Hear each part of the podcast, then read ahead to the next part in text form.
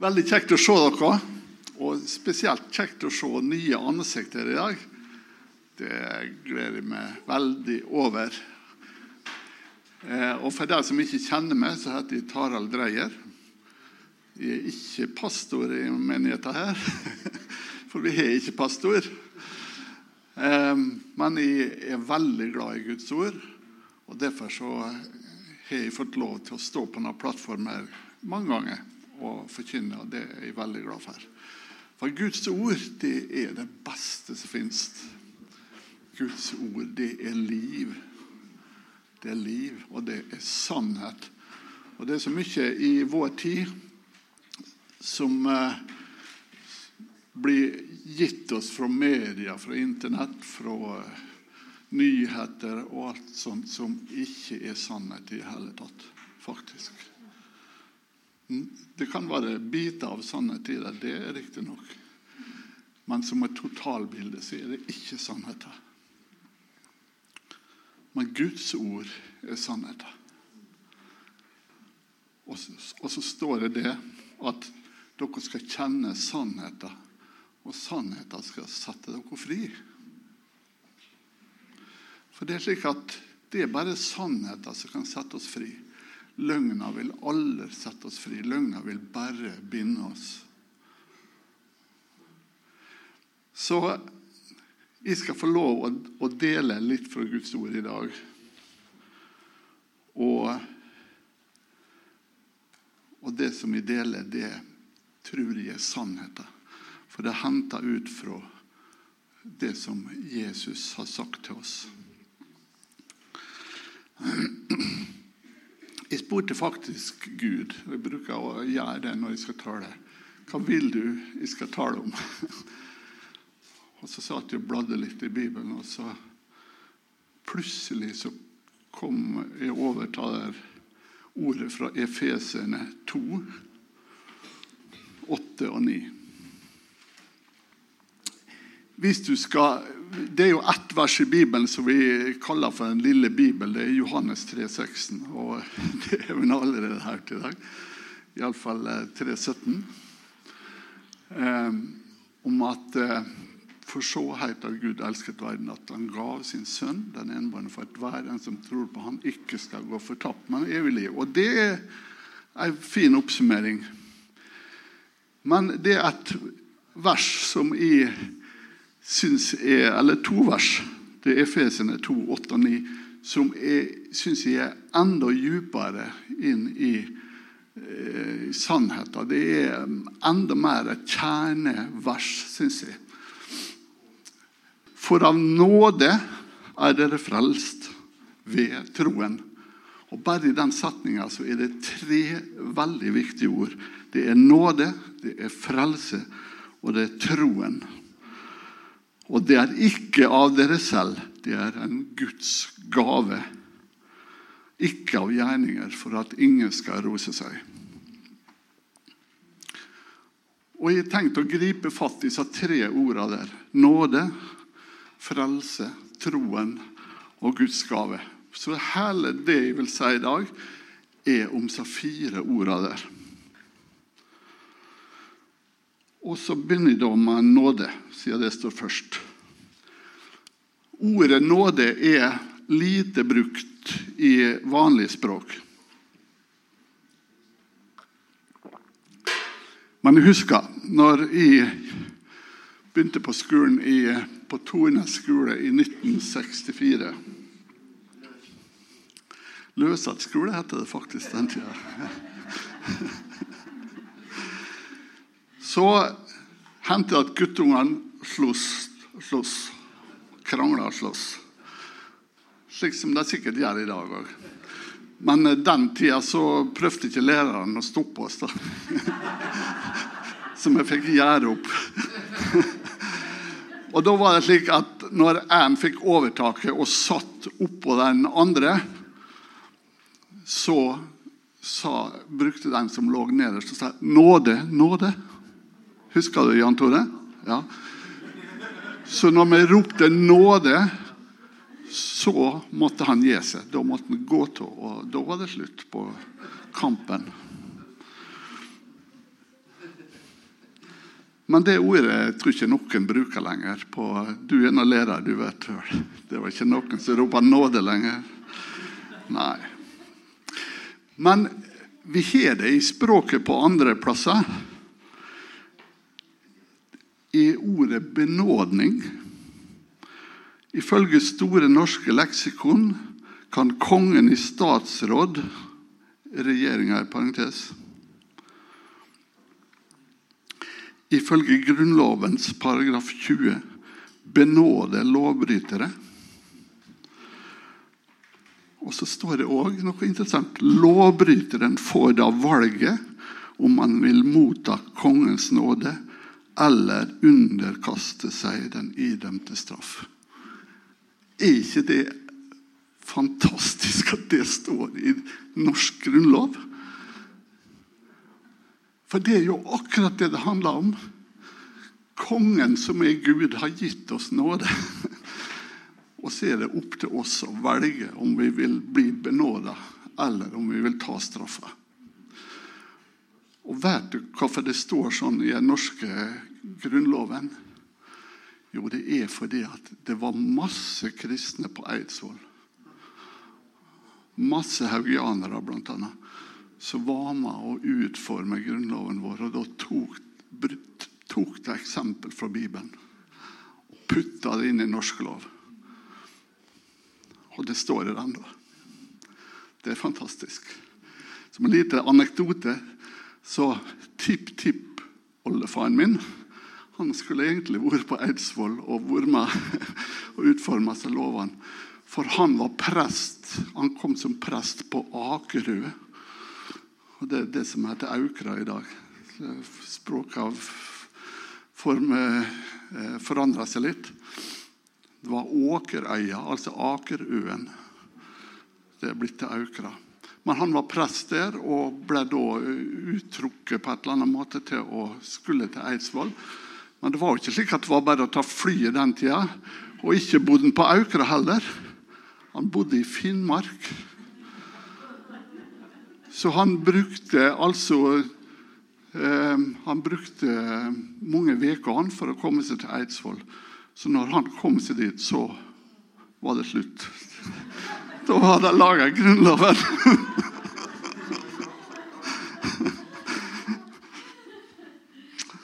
Det var en liten anekdote. Vet du, Jeg satt og tenkte på det, hva het den egentlig, men jeg glemte Skal vi se. Det er litt stilig at, eh, at Grunnloven er helt sånne paralleller til Bibelen. Eh, og det som Efesene 2 eh, Eller nåde, det betyr egentlig Guds ufortjente gunst mot oss. Det er ikke bare det at det er ufortjent, men det er òg en gunst. Altså i, i Norges eh, lover, så, så, så, blir du, du blir frikjent, men du får ikke noe gunst. Men, men i Bibelen så er den frikjennelsen kobla sammen med en gunst. Guds ufortjente gunst mot oss.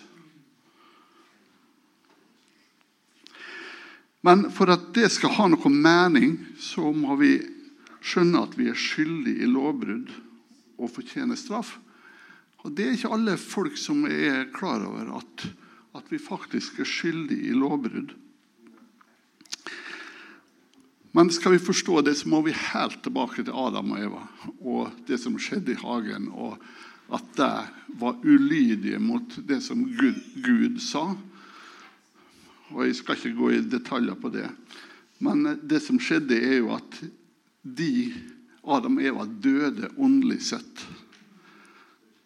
Gud hadde jo sagt at dere skal visselig dø hvis dere et av det treet som gir kunnskap om godt og vondt. Men de døde jo ikke fysisk. Ikke før det har gått tror Adam levde i 900 år eller noe sånt etterpå. Men han døde åndelig. Og vi er Adam og Eva sine etterkommere. Jeg vet ikke hvor mange tipper vi må sette på, men eh, han er en eller annen oldefar. med masse tipper for han. Og vi har arva den syndenaturen. Så Derfor så er vi, vi er skyldige straff, alle oss. Og Hvis vi ser på samfunnet rundt oss, alt som skjer, så, så skjønner vi det at vi, mennesker er ikke gode. Mennesker er syndere. Men det som er så bra, er at Gud har benåda oss.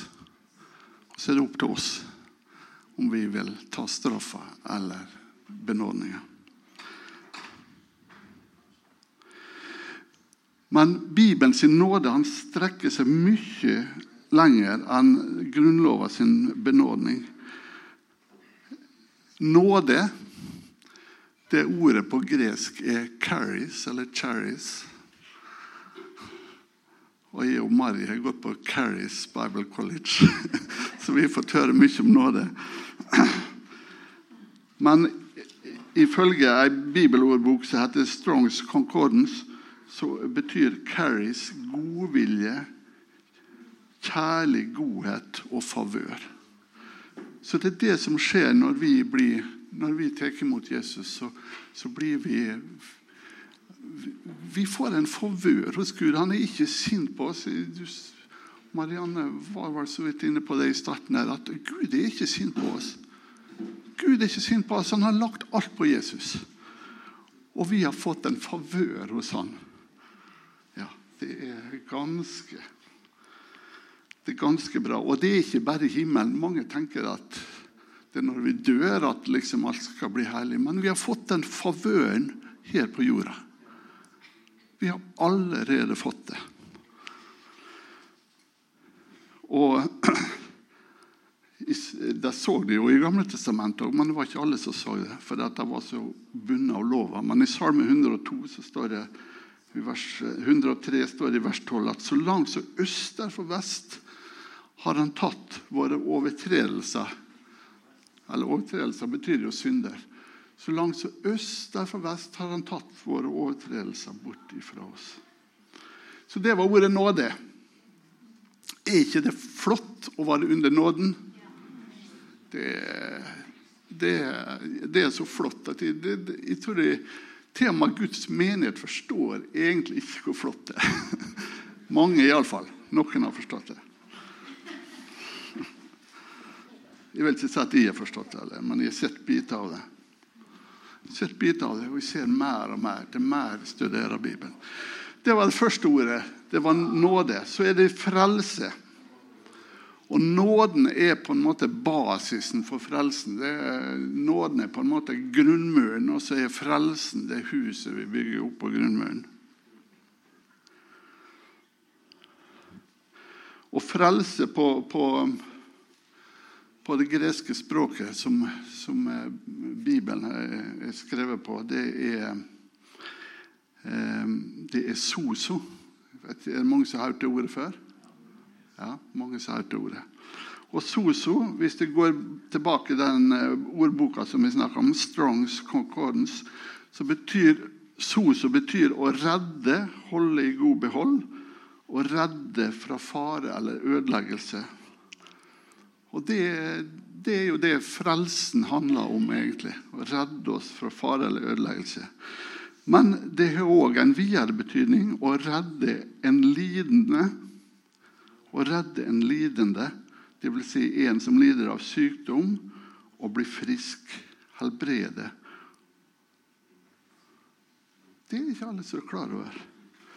At ordet i selve ordet frelse, soso, så ligger det både tilgivelse og å bli redda fra konsekvensen av synder, men også helbredelse. Og vi vet at når Jesus dør på korset Det var det Marianne gjorde poeng av her i dag med Johannes 3, 17. At Gud sendte ikke sin sønn for å dømme verden, men for at verden skulle bli frelst ved han. Så frelsen, det var det Det var det Jesus gjorde for oss på korset. Og da fikk vi soso. Altså bli redda fra ødeleggelse. Og det som var allerede ødelagt, det skulle bli helbreda. Det er flott.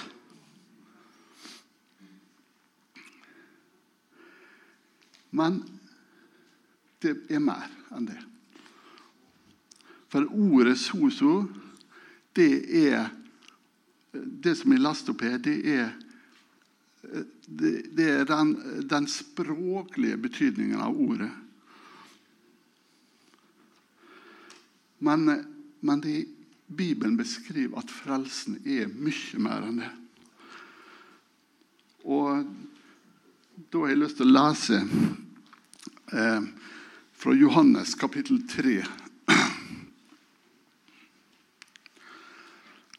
Eh, fra vers 1 til 5. Jeg lurer på om dere fikk dere det verset? Men det var iallfall en mann en blant fariserene. Fariserene og Jesus der kom jo ikke noe godt overens. Og det var jo fariserene sin skyld. Jesus ville jo gjerne ta imot dem, men de ville ikke ta imot ham.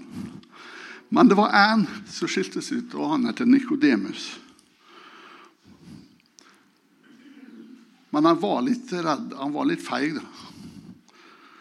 Så han turte ikke å gå til Jesus når det var masse folk omkring. Men han kom midt på natta. Jesus lå antageligvis og sov. Og Nikodemus kom og, og banka på døra. hans. eller jeg vet ikke, det, Bibelen beskriver ikke akkurat det.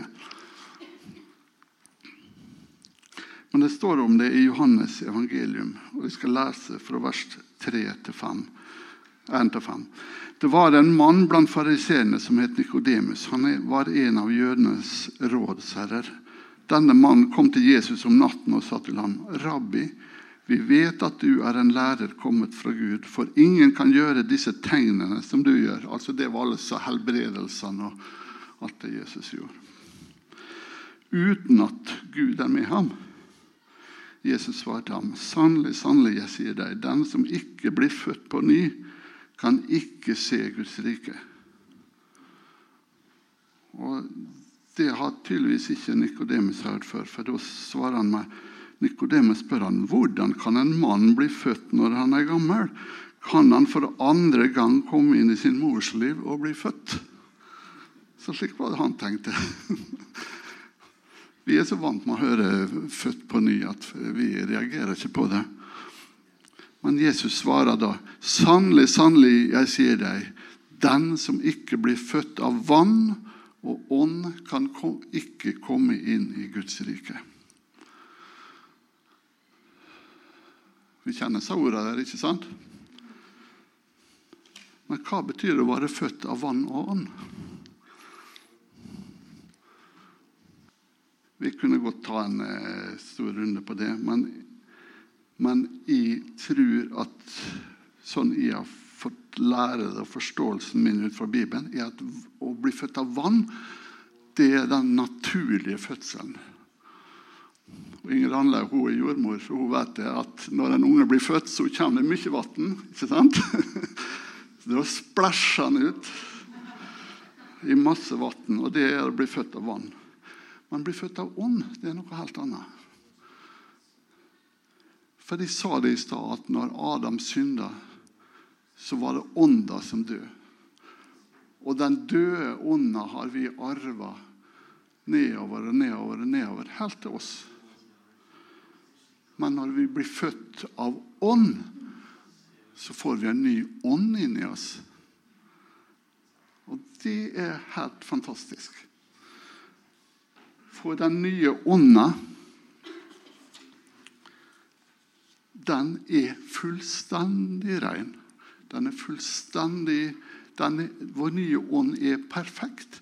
Den er like perfekt som den ånda var i Adam før syndefallet.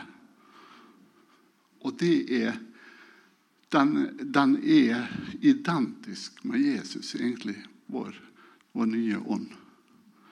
Og Det er mange kristne som ikke er klar over at vi har ei ren ånd inni oss.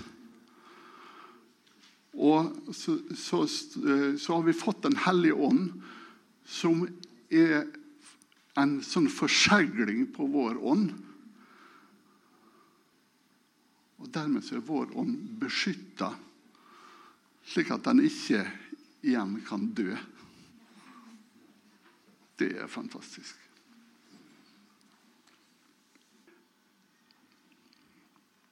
Så frelsen den gir oss ikke bare tilgivelse for synd, men den gir oss en ny identitet med nye muligheter, nye rettigheter. Hvis frelsen var bare at vi fikk tilgitt syndene våre og kommet til himmelen, så var jo det fantastisk i dag. Men når du begynner å gå inn i Bibelen og se at det var faktisk bare en liten del av pakka Det var egentlig bare det fine papiret som er utapå. Husker Marte, og eldstedattera eh, vår, som når hun var to eller tre år så To år var hun kanskje. På julaften så hadde vi pakka inn et bilde til henne. Og så For hver pakke åpna, så sa vi til henne du må vise det så andre får se. Så da holdt hun opp. Liksom. Så fikk hun et bilde. da. Så tok hun først bildet. Viste til alle sammen. Så tok hun pappen som var rundt. Viste til alle sammen. Og Litt sånn er det med oss at vi, vi noen ganger så viser fram pappen som er rundt. Vi er tilgitt. Vi, vi, vi, skal ikke få straff. Når, vi, når Jesus kommer tilbake, så, så, så, blir vi tatt ut av køa og slipper å sone straffa for det vi har gjort. Men det er egentlig bare pappen. Og selve bildet er så mye større. Vi kjenner den historien om de to sønnene. Eh, faren og de to sønnene og ene ba om å få arven sin og reiste bort og sløste bort alt. Ja, er nokså ikke helt den historien? det, jeg tror den er ganske kjent. Og Det er mye, mange poeng med den historien som jeg kunne trukket fram. Men det ene poenget som er, er, det faren sier til den sønnen som ikke var reist vekk og levde i synd og sløsa bort alt. For budskapet han, til han var at Sønn, du er alltid hos meg, og alt mitt er ditt. Det er frelsen. Det er ikke bare at vi har fått tilgivelse for synden våre. Men vi har fått alt som hører Gud til, det hører oss til. Alt mitt er ditt. Og skulle jeg gå i detalj på hva det er, så måtte vi bruke mange, mange, mange prekener. Jeg har gått på bibelskole, og ennå så har jeg ikke forstått alt som frelse innebærer. For det er så stort. Det er så stort. Hver gang du leser i Bibelen, så er det omtrent som å skrelle et, et skall av en løk. Og så er det noe enda dypere, noe enda bedre, noe enda større. Men jeg kan nevne bare sånn summarisk noen få ting. Det står at vi er arvinger. Vi er Guds arvinger og Kristi medarvinger. Vi er satt på lik linje med Kristus. Han er vår bror. Vi skal arve Gud sammen med Jesus. Det er veldig sterkt. Og så står det vi er satt i himmelen med Kristus. står det. Er, egentlig så er vi allerede plassert i himmelen. Det, kroppen vår er ikke i himmelen ennå, men ånda vår er i himmelen. Samtidig så er vårt hjerte. For at ånd er ånd den er ikke knytta til tid og sted, slik som, slik som eh, det fysiske. Så vi er ånda bor her i hjertet mitt, men òg i himmelen hos Kristus. Så står det at vi er velsigna med åndens velsignelse. All åndens velsignelse i himmelen er vi velsigna med. Og det er jo i seg sjøl veldig, veldig stort.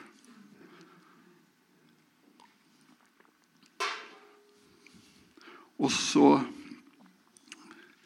har vi fått eh, forsørgelse. I Matteus kan vi lese om hvor Jesus sier ja, se på fuglene, da. Se på gresset, se på liljen på marka. Se hvor de sørger for det hvert år. Når snøen blir borte, så popper påskeliljene opp. De har ikke gjort noen ting for det. Hvorfor er dere bekymra? Hvorfor jeg vil nå forsørge dere. Dere skal få alt dere trenger. Kom til meg, så skal jeg gi dere alt dere trenger. Sånn. Helbredelse har vi nevnt. Det hoppa jeg fort over, selv om jeg kunne hatt mer enn én tall om det. Peter sa at han har gitt oss alt som tjener til liv og Guds Så det er ikke småtteri. Og måten du finner ut av det på, hva er det? Det er iallfall ikke å gå på Facebook.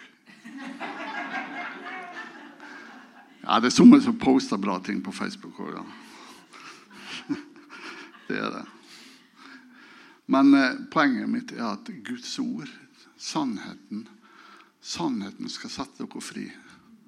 Det er det vi finner. Det er det som er kilden. Det er det som er kilden, altså. Så det tredje ordet jeg vil snakke om, det er tro. Tro Jeg skal lage min egen definisjon av tro. Tro, det er når du i ditt indre ser for deg et eller annet som du ønsker skal skje, og at du kjenner en visshet om at det kommer til å skje. Det er tro. Og egentlig så står det i Bibelen, men jeg har liksom sett litt moderne eller litt mer forståelig språk på det. Jeg vet ikke om det var så moderne, men Men i Hebreerne 11 så står det tro er full tillit til det en håper på, og overbevisning om det en ikke ser det en håper på, det er liksom det som får slått rot inni hjertet ditt, og som du, du kjenner at du, at du, lengter etter, og som du kjenner at etter hvert så vokser fram en tillit til at ja, det skal skje. Det skal skje. Det er tro.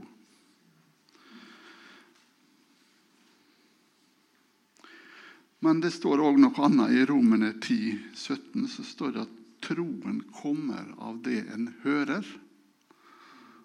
Og jeg med vilje kutta ut den siste delen av verset. Jeg skal komme tilbake til det. altså. Troen kommer av det du hører.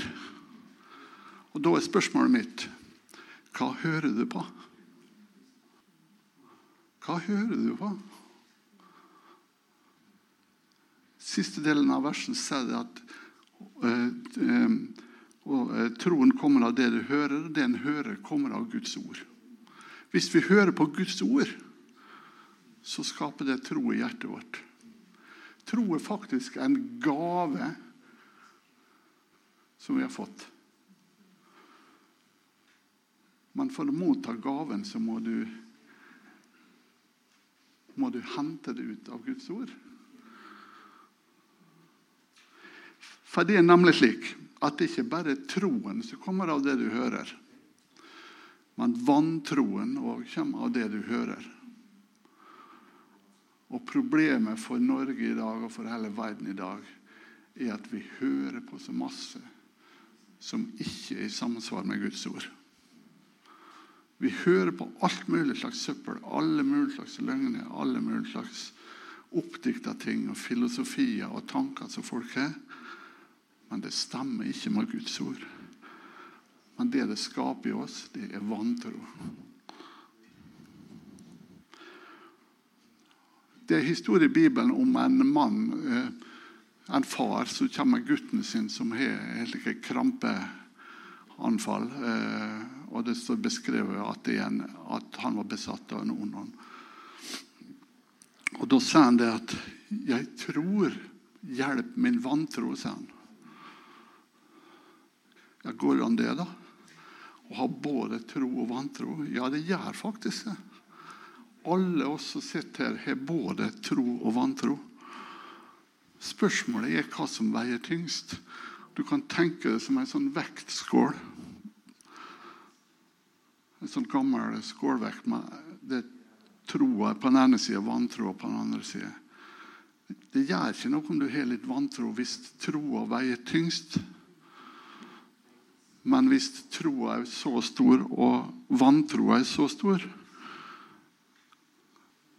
Hvis du da legger hendene på syke og ber om at de skal bli friske, så tror du ikke. I beste fall så håper du.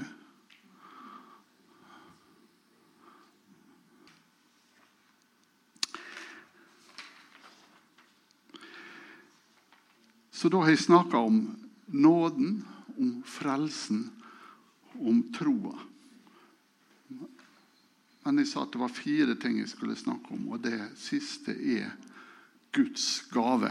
Og jeg skal ikke bruke så veldig lang tid på det.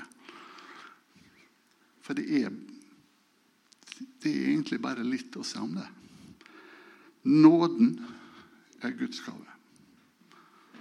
Frelsen er Guds gave. Og troa er Guds gave. Verken nåden, frelsen eller troa er en belønning for noe vi har prestert. Enten må vi ta imot det som en gave, eller så blir det ikke vårt. Og Dermed kan ingen rose seg. Når det er gave, så kan ingen rose seg. Takk, Jesus, for det at du er så fantastisk god mot oss. Takk for nåden din som eh, benåder oss og sier at du skal få slippe å sone straffa. Takk for frelsen, som er så rik og innebærer så masse at vi, vi fatter det ikke. Vil òg takke deg for at, at trua Som er på en måte nøkkelen som vi skal bruke for å låse opp dette her. Den er òg en gave. Du har gitt oss den nøkkelen. Så det eneste er for meg å stikke den i låsen og vri om. Det er så lite som hviler på oss. Du har gjort alt sammen ferdig. Takk, Jesus. Takk, jeg priser for det, Jesus. Jeg ber for alle som sitter her nå. Kanskje det er noen som ikke tror her, men nåden er for det òg. Og det koster ingenting. Det er ingen prestasjoner. Halleluja. Takk, Jesus. Amen.